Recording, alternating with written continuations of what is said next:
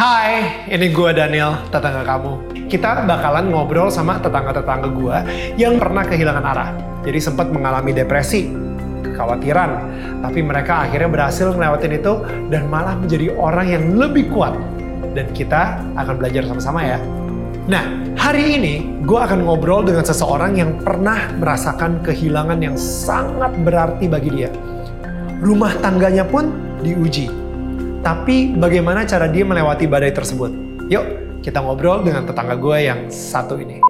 Hey, ini gue Daniel, tetangga kamu, Kathy Sharon.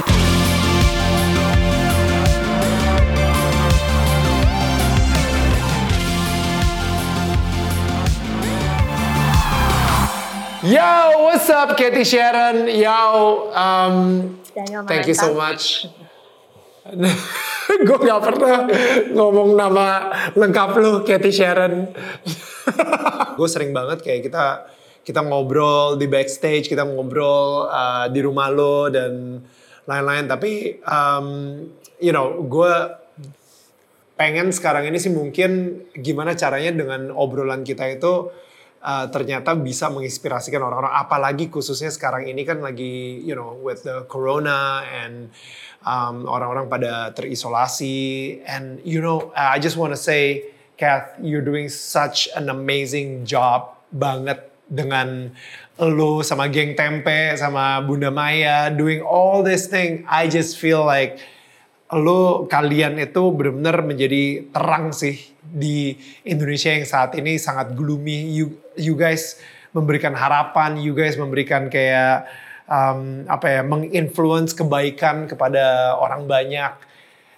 Can you tell me a little bit about it? Like itu awalnya gimana dan lain-lain sih? Uh, basically awalnya tuh it happened very fast ya. Uh, first of all, congrats on your show. Keren banget. Gue juga bangga banget Daniel, punya temen tetangga mau kamu. bikin konten yang positif, ya kan, yang buat menginspirasi banyak orang. Uh, thank you for having Ah. me on your show. Um, to tell you a bit about the story, pertama kali uh, kita mulai gerakan sosial ini, uh, sebenarnya di sini tuh ada dua gerakan. Jadi ada gerakan Mhm. Bunda Maya sama Tempe, which sebenarnya gue juga ikut gabung di dalam geng Tempe ini. Uh, Ya. Mereka menggalang dana di akun kita bisa. Uh, tetapi on the other hand, uh, gue juga ada teman-teman lain, ada sekitar lima orang yang uh, saat itu tuh ada jadi network gue yang ini tuh punya koneksi sama sole supplier APD, pabrik APD, and Wow. so on. Jadi pada saat kita baca wah lagi kekurangan APD, teman-teman bilang ya udah kita bantu aja yuk kita donasi. Um, Cap, Ya, eh, lo bikin account deh di kita bisa gitu. Terus gue kan gaptek, you know untuk nge-setup malam ini juga ada yang ngebantuin gue. Jadi gue yang kayak gue nggak tahu Iya. gimana cara bikinnya. Terus teman gue di grup itu juga bilang ya udah sini dibikinin gitu. Akhirnya dibikinin. Terus ya udah kita mulai promosiin and actually eh kita mulai sendiri kita beli APD dulu even before kita udah mulai menggalang dana. Jadi kita udah mulai beli APD dan kita langsung distribusi hari itu juga. Eh, kemudian mungkin karena Bunda melihat bahwa kita aktif, kita udah distribusi APD, Bunda nanya, eh Kat, eh, gue galang dana, tapi gue nggak gue nggak tahu gimana cara nyari APD-nya atau Iya. distribusinya. Udah deh, gini aja, eh, kita bareng-bareng aja, dana yang kita dapat dari tempe kita taruh sama lo sama temen-temen, pokoknya kalian yang kelola, gitu. Jadi akhirnya ya dijalanin sama teman-teman uh, yang suka gue sebut tim gercep itu. Ada Marcelo by the way which you know juga. Wanda Ponika, Ica um, and Jenny Puspita uh, and we just started it all gitu. Jadi gimana ya? Kayaknya ini emang udah zamannya kolaborasi gitu ya. Jadi ini tuh nggak Katy Sharon tuh hanya nama yang apa ya yang dipakai aja gitu sebenarnya untuk menggalang dana. Maya Estianti juga hanya nama yang dipakai untuk menggalang dana, tetapi di belakangnya itu banyak sekali orang-orang yang peduli dan banyak sekali orang-orang yang kerja keras juga. Eh, per minggu lalu itu kita sudah nge-reach kira-kira 152 rumah sakit di Jakarta, di Bandung, di Surabaya, eh, di Jatim dan juga di Bali. Jadi rumah sakit rumah sakit rujukan plus eh, puskesmas dan juga uh, beberapa klinik juga.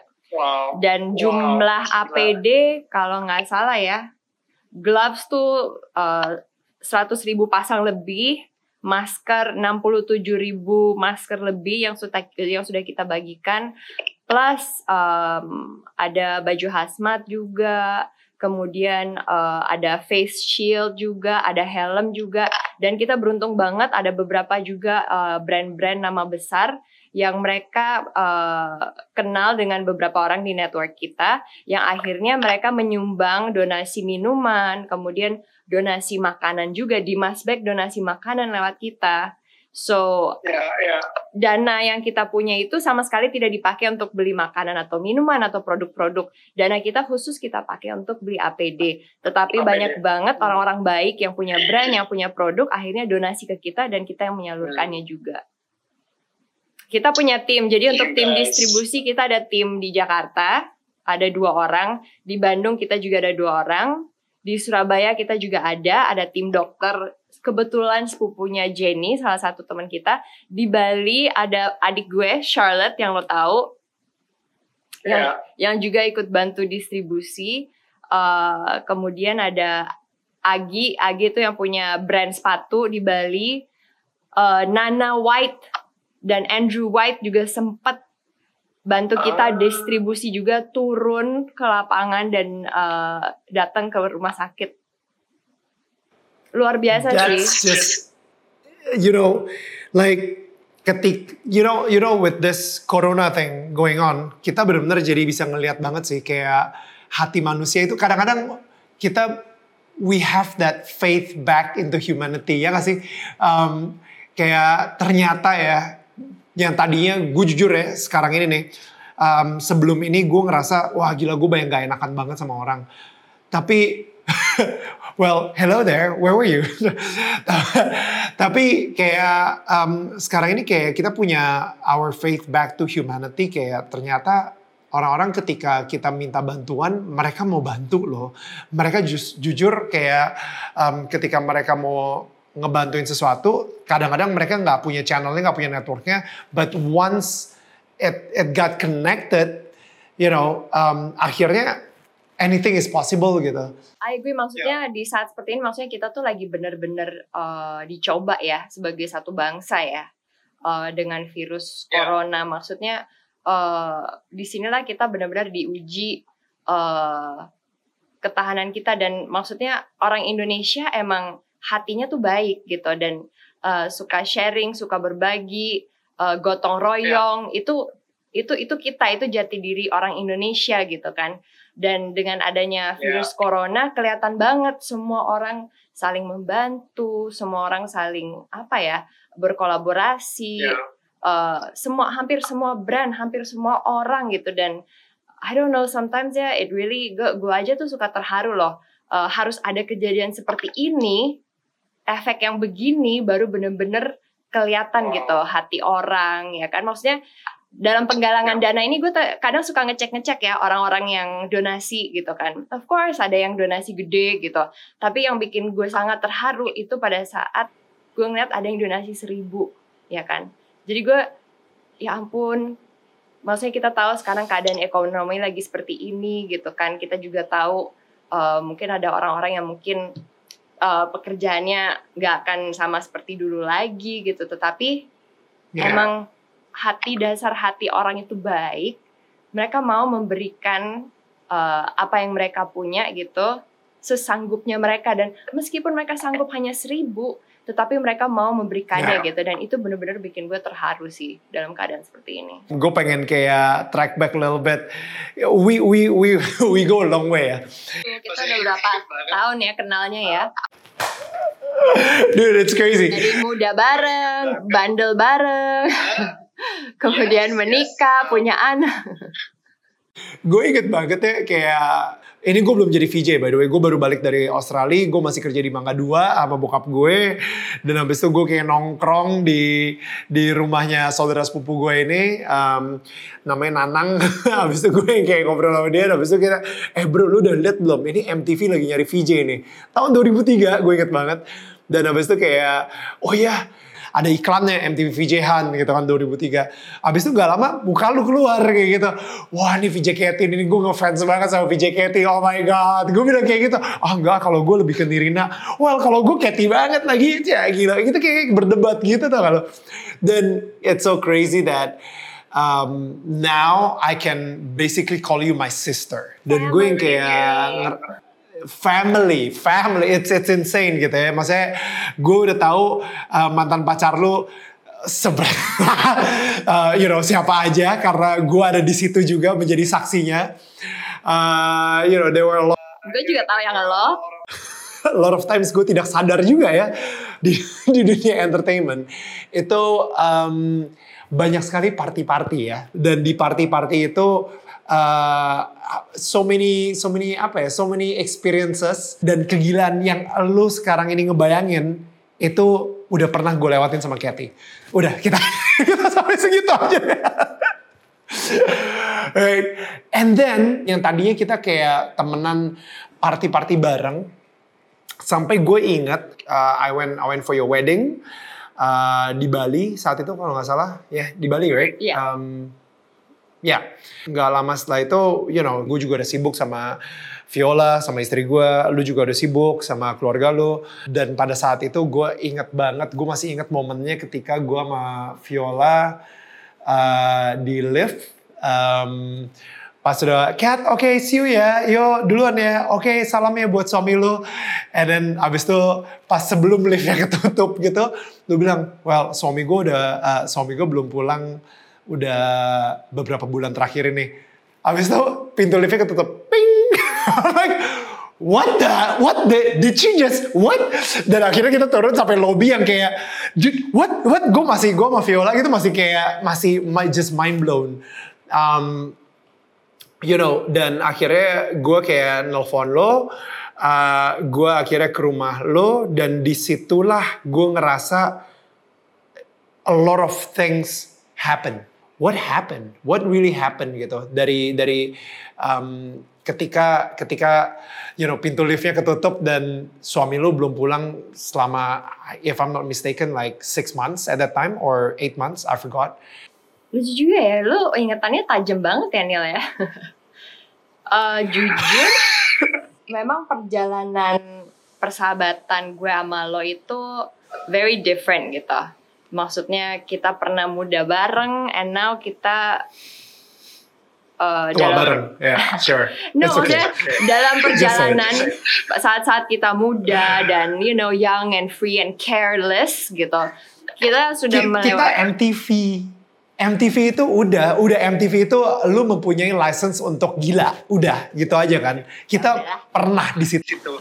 Nah set- setelah itu kan maksudnya kita kita uh, melewati musim berbeda dalam kehidupan kita di mana kita mature bersama ya. Lo menikah, gue menikah gitu dan memang dalam apa ya a perfect world orang tuh kalau menikah ya udah they stay together forever, mereka punya anak and everything gitu ya kan. But we all know this is not a perfect world. Anything can happen gitu. Gue sama sekali nggak ada regrets.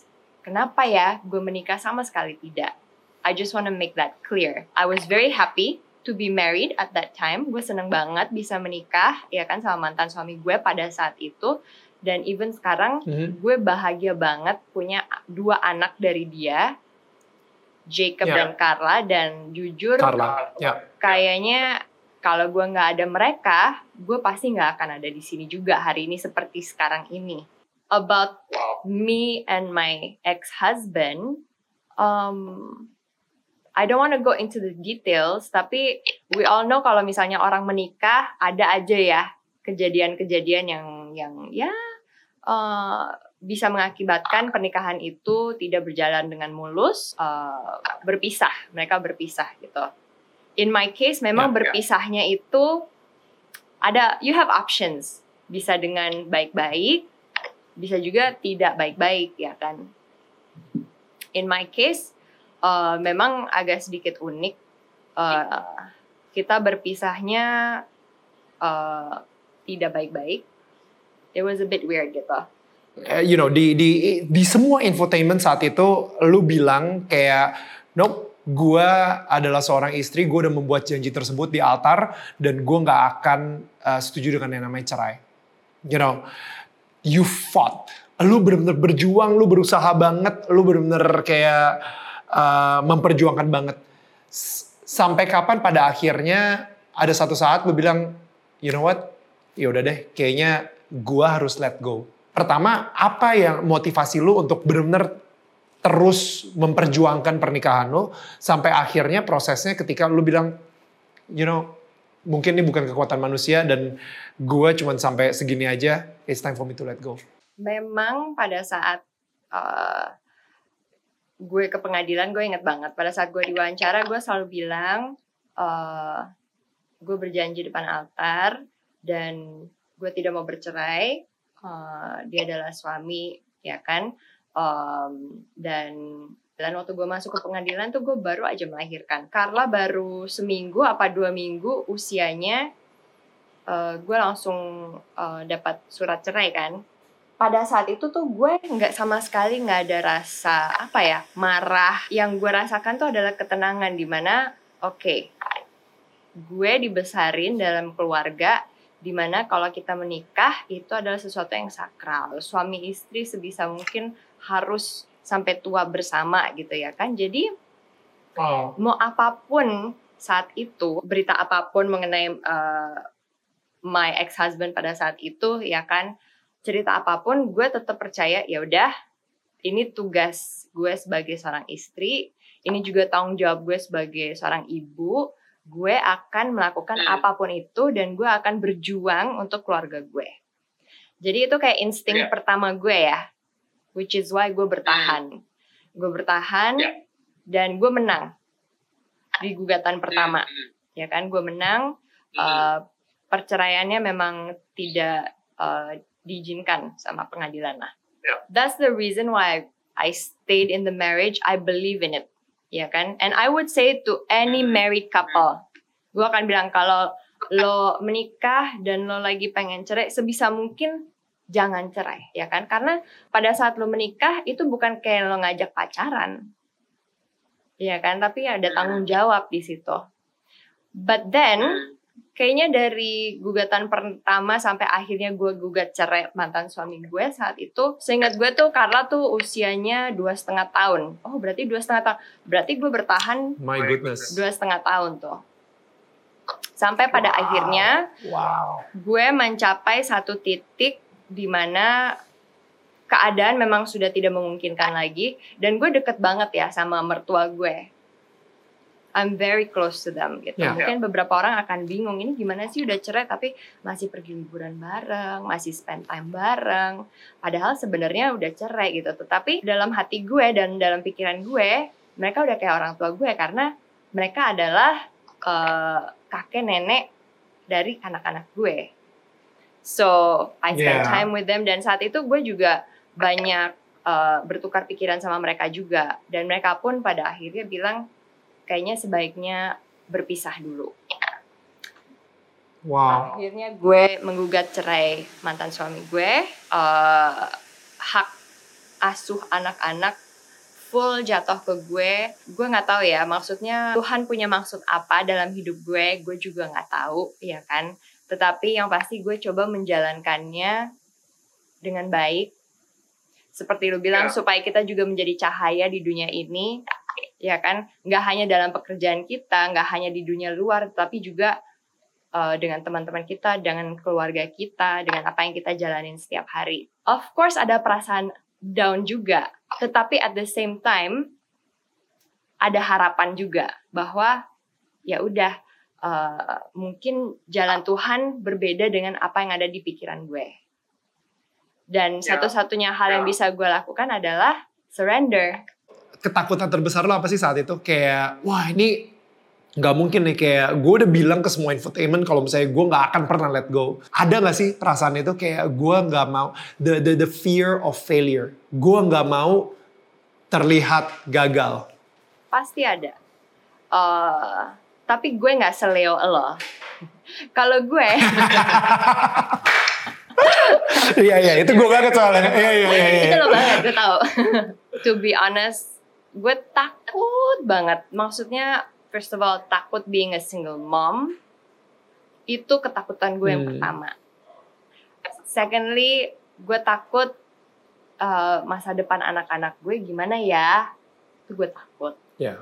Uh, urusan infotainment dan orang akan berpikir apa bahwa gue tadinya mau bertahan terus pada ujungnya gue malah angkat tangan itu yes ada juga. Tetapi itu di bawah ketakutan gue untuk menjadi single mom sebenarnya. Saat itu tuh gue udah mentok banget sih Nil. Like really like gila. Gue gimana ya Eh lu tuh pada saat itu kan of course gue menjadi lebih spiritual. Gue lebih mendekatkan diri Ya. kepada Tuhan gue lebih pasrah ya kan Eh gue lebih apa ya ikhlas dengan apa pun yang akan Ya. terjadi gitu kan tetapi kan hmm, karena gue spiritual gue juga ada kayak kepercayaan dan faith bahwa oh enggak suami gue akan kembali nih Hmm, of course. but it didn't happen Ya. it didn't happen. And that's why gue tadi bilang, sometimes lo sebagai manusia, lo berusaha sekuat tenaga, lo memberikan your all untuk mendapatkan sesuatu, bener-bener sampai ya eh, tetes darah terakhir gitu kan. Dan pada akhirnya Tuhan bilang, "Hmm, enggak, that's not that's not the way gitu.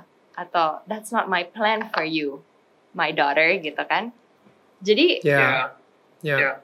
jadi gue ya udah harus pasrah Kita sebagai sorry kita sebagai orang yang yang percaya Tuhan gitu ya dan sering banget nih kayak orang-orang ngomong sama kita kayak uh, udah have more faith punya iman yang lebih besar punya iman yang lebih besar you know lah. atau atau misalnya um, you know kayak ada orang sakit orang yang lu sayang sakit kita kita doain nanti dia akan sembuh Tuhan akan memberikan kesembuhan tapi pada akhirnya ketika orang itu meninggal ketika akhirnya suami itu meninggalkan uh, keluarganya ketika apa yang lu doain akhirnya tidak tercapai. Um, kesannya Tuhan tidak mendengarkan hikmah apa sih yang bisa lu dapetin dari dari kejadian ini gitu. Kayak lu udah pasti mungkin ada rasa marah mungkin atau lu malah ngerasa you rencana lu adalah rencana yang lebih besar lagi dan gua nggak akan pernah ngerti mungkin di sini nanti nanti akan lebih jelas ketika di surga gitu atau atau like what's your thinking process pada saat itu sih? pasti ya semua sekarang misteri nanti pada saat kita udah kembali kepadanya baru semuanya akan terbuka but my thinking Yeah. process actually this is interesting baru kemarin my manager Mas Ulung uh, said something to me uh, because we're talking gitu and he said something yang menurut gue mm, itu bahasa simpelnya he said surrender is the key to enlightenment which is gue kalau inget-inget lagi ya masa-masa gue yang waktu itu yang kema yang dulu yang gue bertahan demi keluarga gue gue bertahan demi anak-anak gue gitu. Eh, gue percaya gue punya keyakinan bahwa itu sungguh-sungguh akan terjadi tetapi itu tidak terjadi gue ikhlas karena gue melihat perjalanannya. Which is prosesnya. Hmm. prosesnya yang gue lihat prosesnya di mana Hmm. gue nggak gue nggak ngelihat apa yang nggak gue dapet. Gue nggak ngelihat failure gue. Tetapi gue bersyukur bahwa selama prosesnya gue tuh dijaga sama Tuhan. Gue dipelihara sama Tuhan. Gue nggak pernah kekurangan sama Tuhan.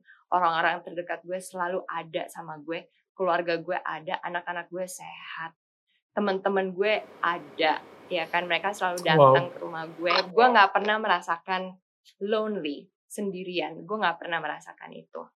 Eh, Wow. gue gimana ya? Selama Hmm. proses itu gue bisa merasakan bahwa gue dijaga sama Tuhan gue dipelihara sama dia.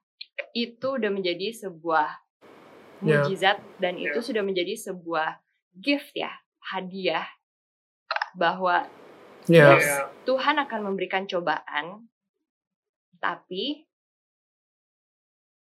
Tuhan akan memastikan bahwa cobaan itu akan bisa kamu lalui. Wow. Wow. You know, gue gue ngelihat kayak gini sih lu sekarang jadi nggak fokus di rewardnya di hasilnya atau di ekspektasi lu pasti punya ekspektasi tertentu lah gue pengen nanti hasilnya suami gue tetap sama gue misalnya kayak gitu. Itu ekspektasinya itu hasilnya. Tapi ketika lu fokus di prosesnya ternyata proses-proses ini malah membuat lu seseorang yang jauh lebih kuat. Dan mungkin hasilnya udah nggak penting lagi.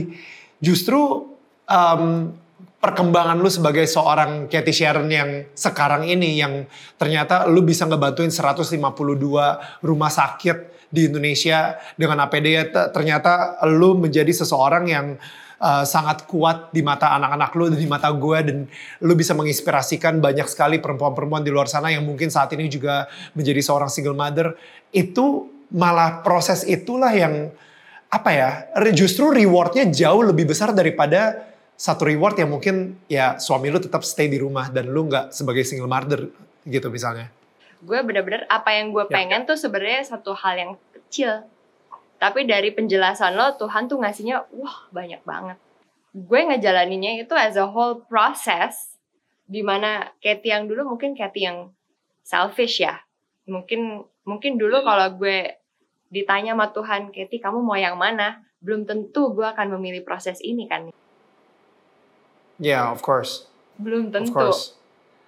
Tapi hmm. tapi what happened ya had to happen.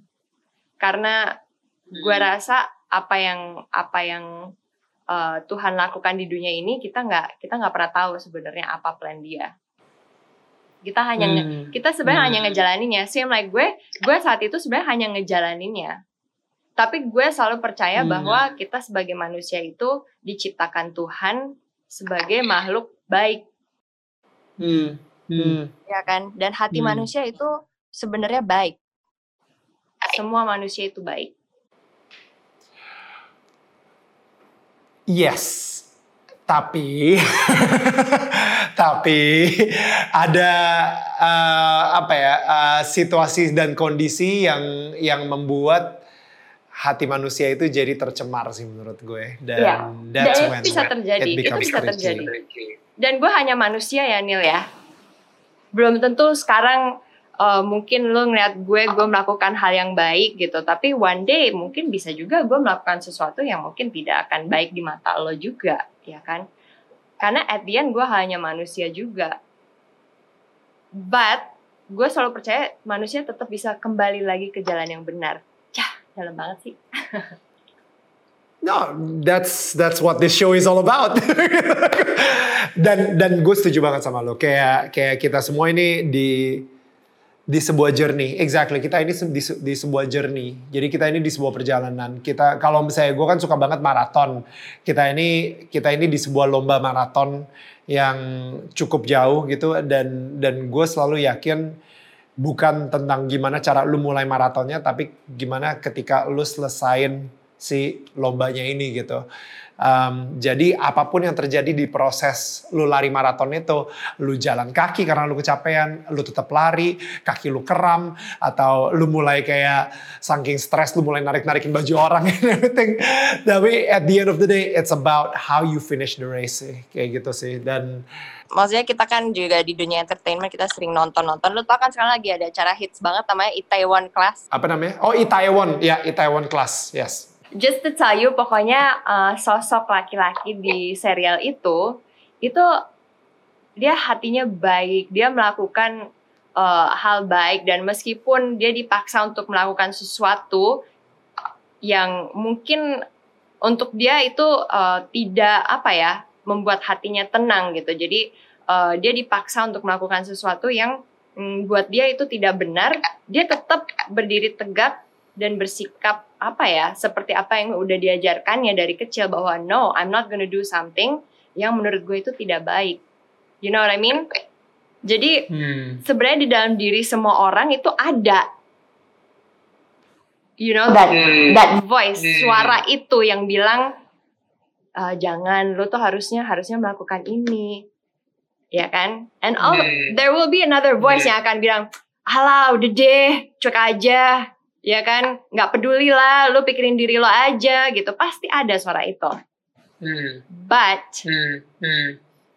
lo harus bisa mute suara yang itu dan lebih mendengarkan hati nurani lo. That voice yang bilang jangan. Voice yang lebih tenang voice yang lebih tenang. Dan itu kadang voice itu tuh nggak suka nggak kedengeran karena suara satunya tuh lebih kenceng tau nggak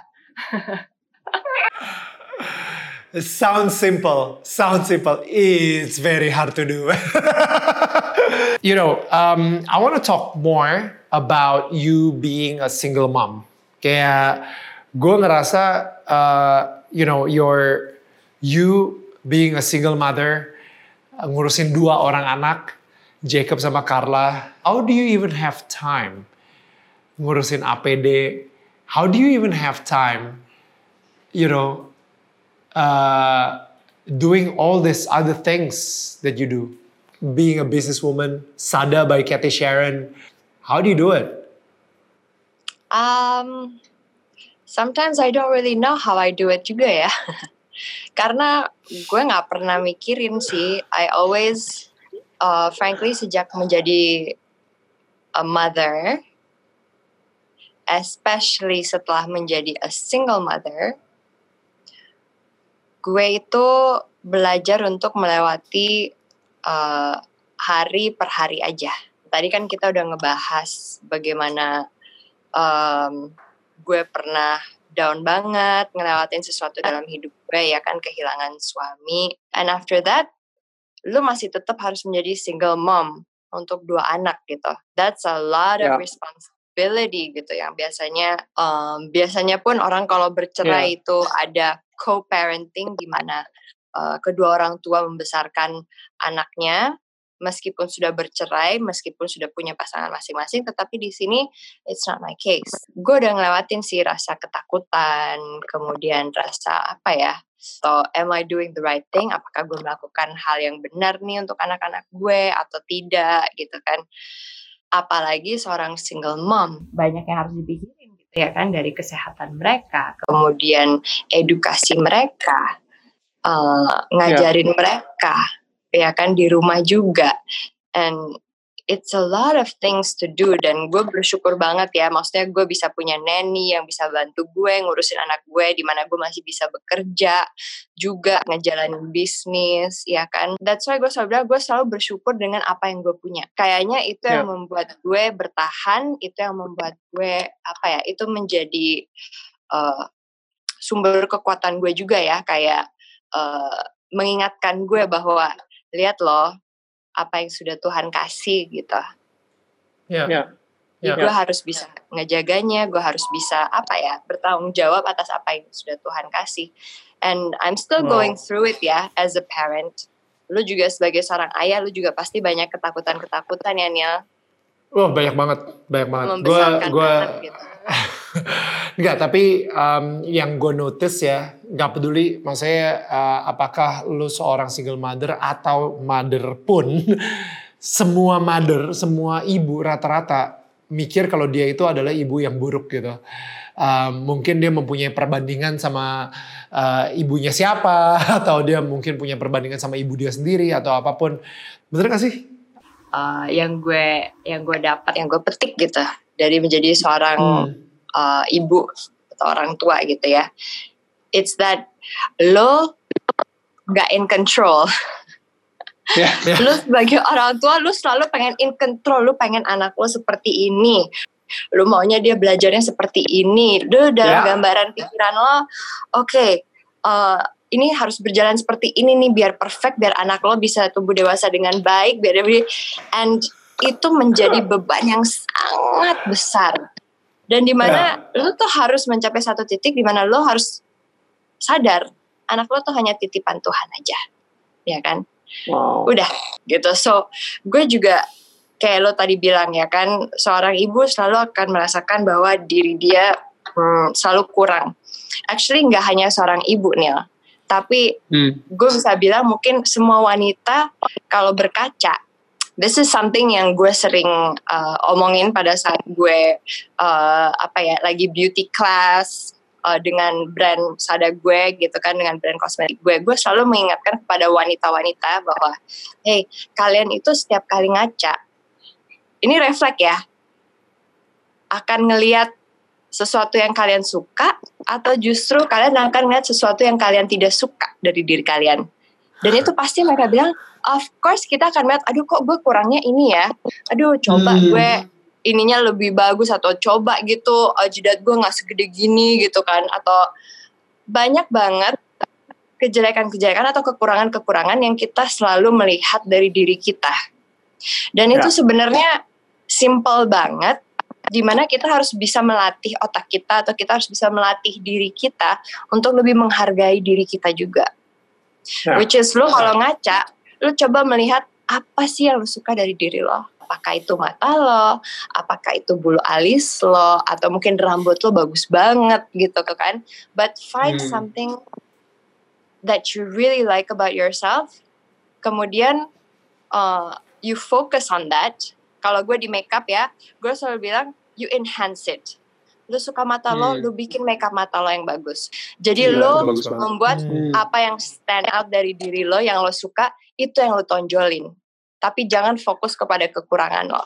sama juga dengan hidup kali ya kayak kayak kadang-kadang you know ada ada teman kita dia dia pernah ngasih metafor yang menurut gue bagus banget misalnya tiap hari anggap aja lu tiap hari makan brownies brownies brownies brownies tiap hari lu makan brownies brownies brownies tiba-tiba ada satu satu hari ada temen lu ngasih lu cheesecake pop cheesecake Abis itu besoknya lu brownies, brownies. Lu akan fokus ke mana? Lu bakal fokus ke cheesecake. Karena ya ada satu halnya tersebut gitu. Di hidup kita dikasih banyak banget hal-hal yang sangat luar biasa dari, dari Tuhan. Kebaikan, kebaikan, kebaikan, kebaikan. Eh ada satu hal yang gak enak. Tapi sayangnya kita akhirnya fokus sama yang pengalaman satu hal yang tidak enak itu. Dan akhirnya kita ngerasa kenapa hidup kita nggak enak ya. Padahal kalau misalnya kita pikir-pikir, men banyak banget hal-hal setiap hari yang sebenarnya dikasih kebaikan-kebaikan-kebaikan, tapi kita udah nggak ngeh karena kita kepikirannya sama si cheesecake tersebut gitu. Dan itu menurut gue metafor yang sangat powerful banget. Di mana emang setiap hari kita harus make a conscious decision, kita harus benar-benar memutuskan dan membuat sebuah effort lebih untuk bersyukur sama hal-hal yang mungkin kita lupa bahwa itu adalah kebaikan dari Tuhan gitu. Iya, iya, iya. Gue setuju Lu banget. punya dua anak yang sangat luar biasa, Jacob sama Carla. Biarpun lu adalah seorang single mother, tapi they make it look so easy for you to parent them. Ya, gue gak tahu kenapa gitu ya. Gue gue ngerasa kayak mereka, you know, they're very adorable. Lu berhasil uh, mendewasakan mereka dengan I don't know what gitu. Ada gak sih satu ritual yang lu lakuin setiap hari? Kayak misalnya ada temen gue, tiap hari gue harus bacain cerita dongeng kepada anak gue. No matter what, gue gak pernah skip setiap setiap setiap malam. Misalnya seperti itu. Is there any like those kind of rituals? Of course, dari mata orang luar itu akan kelihatan sangat gampang gitu kan. And my kids are like, wow gitu. Dan one thing for me ya, uh, gue nggak pernah mau menjelekkan anak gue uh, ke orang, apalagi menjelekkan anak gue ke anak gue gitu. Gue ingat waktu misalnya waktu gue kecil gitu kan, uh, bukan orang tua gue, tapi kalau misalnya orang gitu kalau bilang, ala Kathy nih misalnya uh, Kathy uh, nakal banget, nggak dengar udah gitu, nggak pinter ini, pokoknya yang jelek-jelek gitu. At one point kan kita ngedengerin kan, misalnya kalau kita jadi orang tua, kalau kita ngomong ke anak kita kayak, aduh kamu itu ya telat mulu, Hmm. kamu itu nggak bisa Hmm. nggak bisa uh, nggak bisa baik, nggak bisa duduk diam, nggak bisa dengerin mama. If you keep on saying that, itu Ya. akan masuk ke dalam pikiran anak itu juga gitu. So that is one thing yang gue selalu berjanji dalam diri gue, ya kan. Mau semarah apa pun, ya kan. Mau sekesel apa pun, ya kan. Gue harus bisa menahan diri gue. Dan kalaupun gue slip, gue harus bisa minta maaf kepada anak gue dan bilang kalau gue salah. Wow. Itu Uh. one thing yang gue udah berjanji dalam diri gue. Dan itu untuk gue, tapi most importantly itu untuk anak gue. For one ritual that I do with my kids, to tell you the truth ya Neil, gue juga pengen sebenarnya sebelum tidur ke anak gue, gue tiap malam gue harus bisa dongengin atau misalnya gue pengen ada di rumah, uh, you know, every meal gitu, gue harus ada sebagai seorang ibu. Tapi I cannot do that sometimes Hmm. mungkin kadang ada acara ya kan atau mungkin sometimes uh, gue harus bekerja atau ada halangan tapi I don't put pressure on myself gitu loh Neil ya kan Hmm. Uh, life has a lot of pressure already gitu dan gue ingat gue pernah suatu saat gue per- gue bertemu sama nih uh, wanita gue bertemu sama nih wanita di apartemen loh Ada ada istri gue nggak by the way? Or ada ada ada? Oke. Alright. Alright.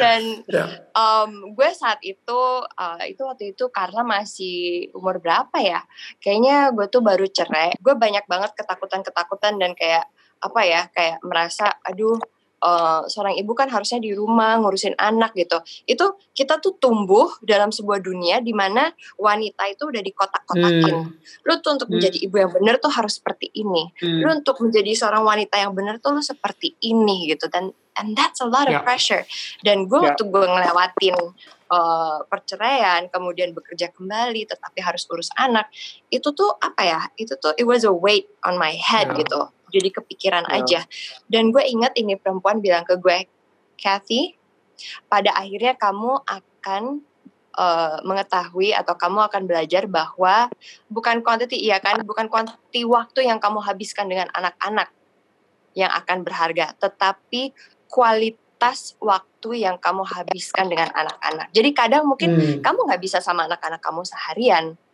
tetapi Iya. mungkin kamu hanya bisa bertemu sama mereka 10 menit tetapi 10 menit itu kamu bisa mengajarkan mereka sesuatu atau 10 menit itu mereka bisa bercerita dan kamu bisa apa ya ngasih pelajaran kehidupan atau masukan-masukan yang positif atau memberikan Hmm. kasih sayang yang mereka butuhkan gitu kan or just Iya. I love you so much gitu dan Hmm. itu just those maybe 10 minutes or you Ya. know 5 minutes dalam hari Ya. itu udah cukup karena kualitasnya udah bagus banget Daripada lu 5 jam sama anak lu, tapi lu nya main handphone, dia nonton Netflix di sebelah. Which is like sekarang apa yang lagi gue lakuin gara-gara lagi isolasi. Asli, gue kayak oh my god, ini kapan nih isolasi bakal kelar? Ini gue gue perlu lebih banyak kualitas, quality time daripada kuantitas. Seriously, I have enough of the kuantitas. Please. jangan kasih tahu siapa-siapa ya jangan kasih tahu siapa-siapa ya tapi sejak gue hampir tiga minggu ini isolasi gue kadang mengurung diri gue dalam kamar mandi untuk me time supaya gue bisa ngumpet dari anak-anak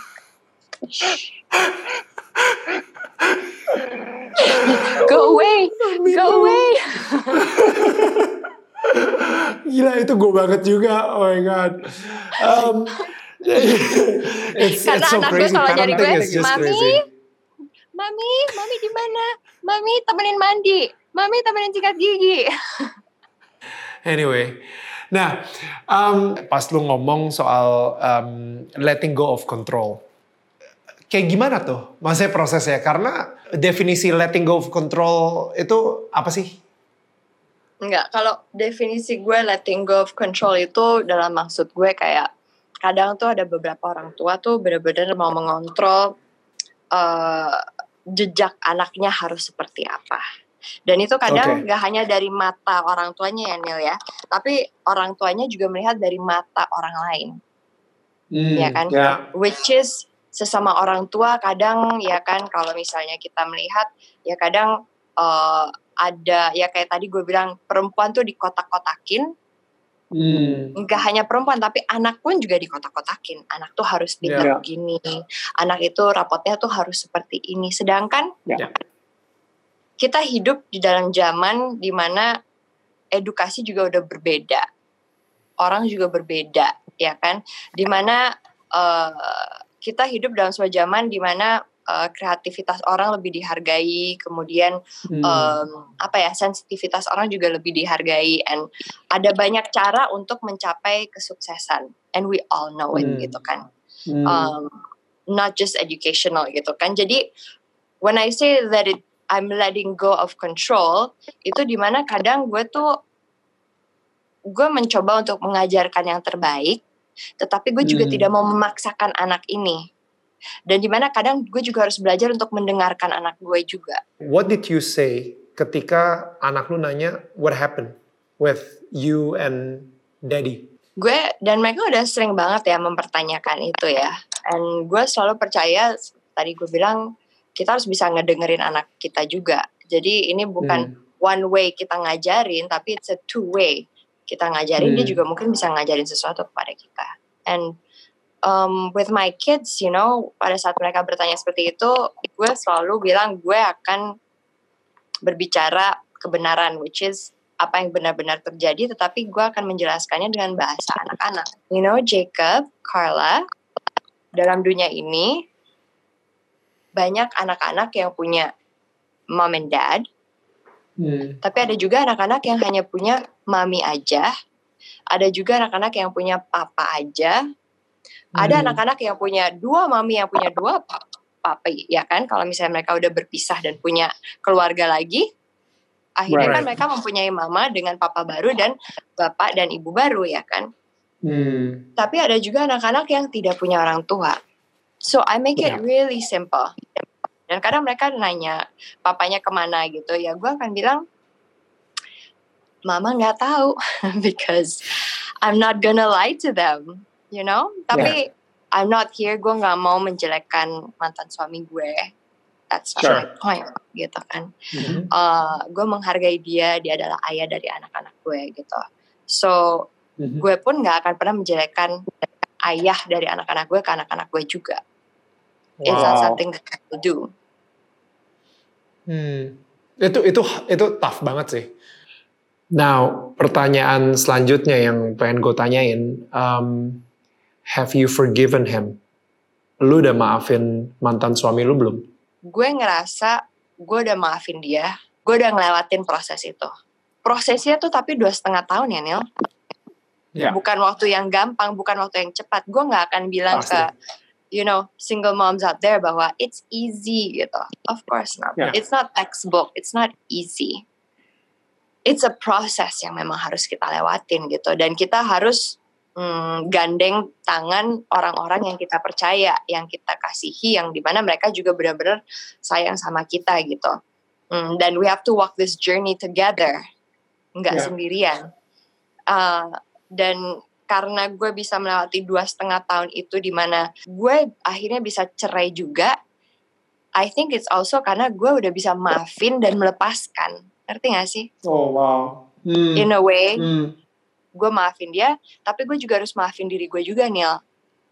Karena pasti gue ada Hmm. kekecewaan terhadap diri gue juga. Any wife will feel that way. Bahwa Ya. gue itu nggak bisa menjaga rumah tangga gue. Or gue itu bukan istri yang baik. Kesalahan gue di mana? Kita kan mencari kesalahan kita kan. Kesalahan gue apa aja. Dan kalau Hmm. kita hidup kayak gitu, I think udah kita di bawah, udah kita down, kita akan semakin jatuh lagi. Wow. Dan pada saat Hmm. mentok itu ya kita harus bisa berpikir bahwa, you know what? I cannot be too hard on myself. You cannot be too hard on yourself. Lo Hmm. harus bisa maafin diri lo dulu untuk bisa maafin orang lain. Uh. Itu prosesnya ya. Gue sampai gue sampai gue sampai speechless sih kayak kayak emang susah ya kalau misalnya ngomongin soal soal seperti ini gitu. ya.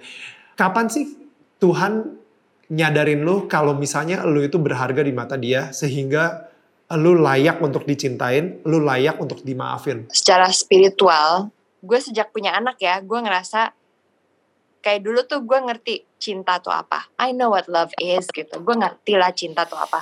Tapi setelah gue punya anak, gue gendong anak gue dari anak pertama itu lo pasti berkaca-kaca matanya dan lo yang kayak ya Tuhan sekarang gue baru ngerti ya apa itu cinta. Perasaan itu yang gue dapetin exactly waktu gue sadar Tuhan tuh sayang sama lo. Ya. That pure love gitu ngerti nggak? That selfless Ya, love ya. gitu di mana you will do anything for that person that you love. Dan Tuhan juga seperti itu. Dan gue pada saat gue merasakan itu, gue langsung memaafkan diri gue.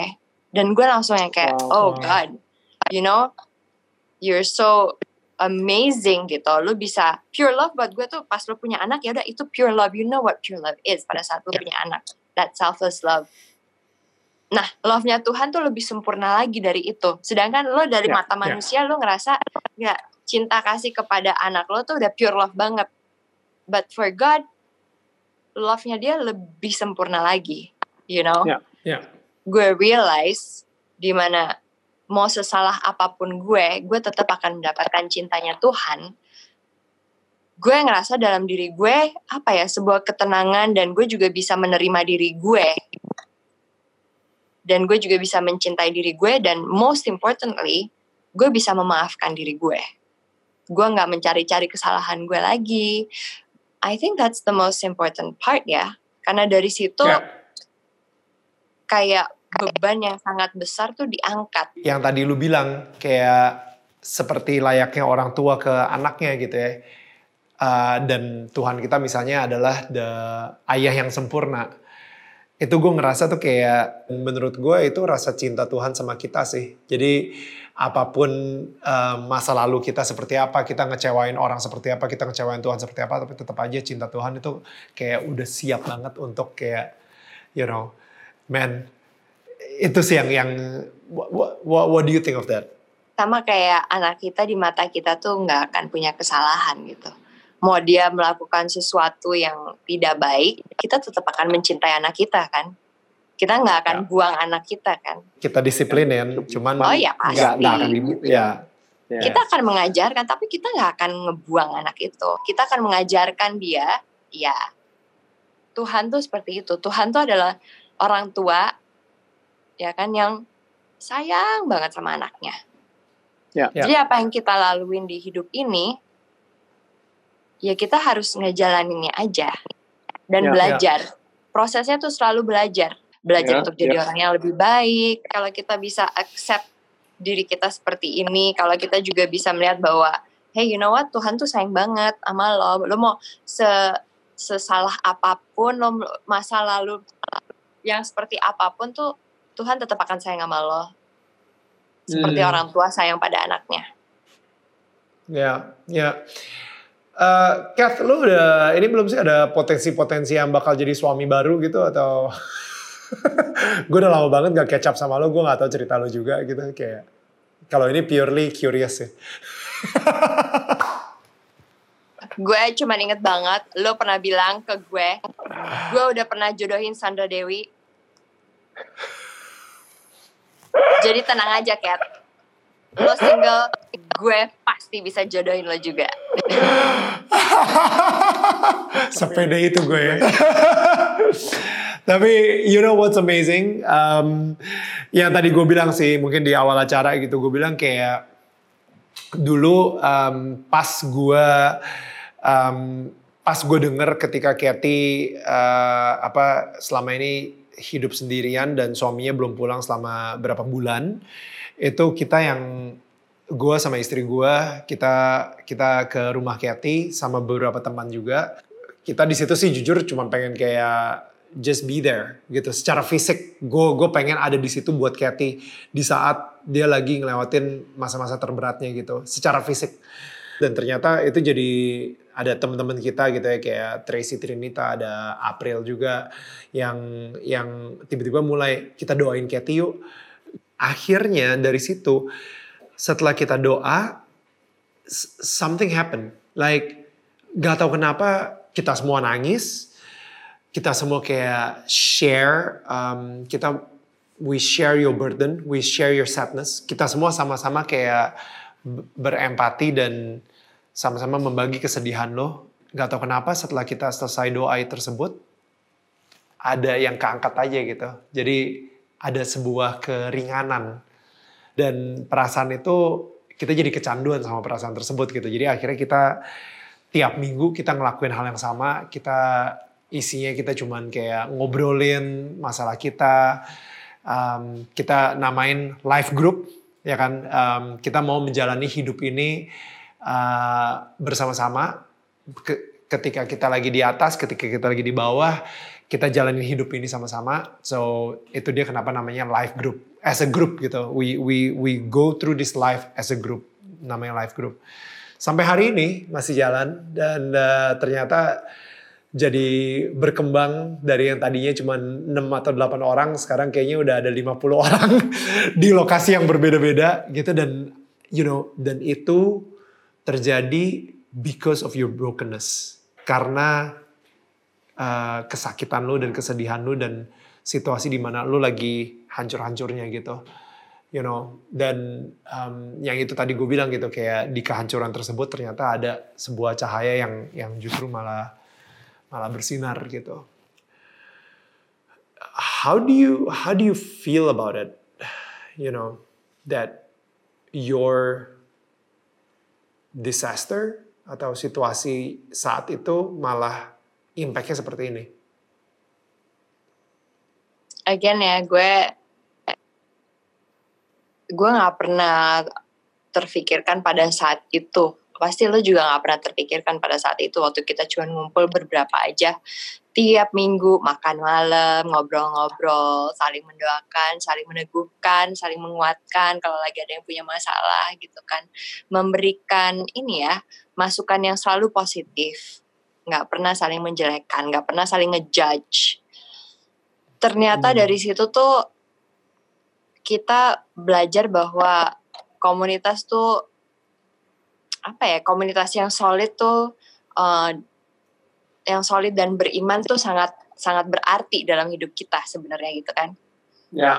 And even until now kalau kalian atau teman-teman dari LG yang lain gitu bilang kayak Cat ini semua awalnya tuh dari kehancuran lo.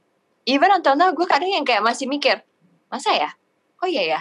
Dan kadang gue masih suka terkaget atau surprise atau kayak uh, catch my breath gitu untuk melihat wow Tuhan ternyata mungkin keinginan seorang Kathy dulu tuh hanya udah deh cuman pengen keluarganya jadi satu cuman pengen suaminya ada di samping dia itu tuh nggak ada artinya kalau hmm. at the end setelah seluruh proses yang panjang itu ternyata Tuhan menggunakan uh, kehancuran itu untuk uh, bisa berbicara kepada anak-anaknya yang lain yeah. dan dia bisa mendekatkan anak-anaknya yang lain untuk kumpul-kumpul, untuk saling menguatkan, yeah. untuk saling mendoakan gitu. And at the end, gue until now ya Neil, even lu ngomong kayak gitu, gue kadang suka yang kayak, wow, Tuhan tuh hebat banget ya kayak gitu aja hmm. bisa dipakai gitu. Wow. Jadi yeah. even yeah. until now gue masih suka kaget dan I'm sure my story or our story itu hanya one story, you know, in a small place di Jakarta Selatan gitu. Tapi lu yeah. coba bayangin dalam dunia ini di Indonesia aja Tuhan udah udah udah menggunakan berapa orang gitu untuk yeah. untuk melakukan rencana-rencana dia. Yeah. It's so mind-boggling. Yeah. Kat, thank you so much. Uh, you've been such a blessing for a lot of people, and especially for me and my wife, and uh, you know the close circle around you, and of course your your kids, and you know a lot of people, a lot of people, Kat. So, God bless. Kita ketemu lagi, Kat ya. God bless stay you. Stay healthy. Stay safe. Thank you. Amin. Bye, Bye Kat. Bye. Thanks guys sudah mendengarkan podcast Daniel Tetangga Kamu. Dan jangan lupa untuk follow podcast Daniel Tetangga Kamu di Spotify dan share ke sosial media kalian sekarang juga. Kalian juga bisa menyaksikan Daniel Tetangga Kamu hanya di Daniel Mananta Network di channel YouTube-nya setiap hari jam 4 waktu Indonesia bagian Barat. Karena setiap minggunya akan ada sosok-sosok inspiratif yang akan menceritakan perjalanan spiritual mereka. Guys, Gue cuma bilang sekali lagi, thank you so much.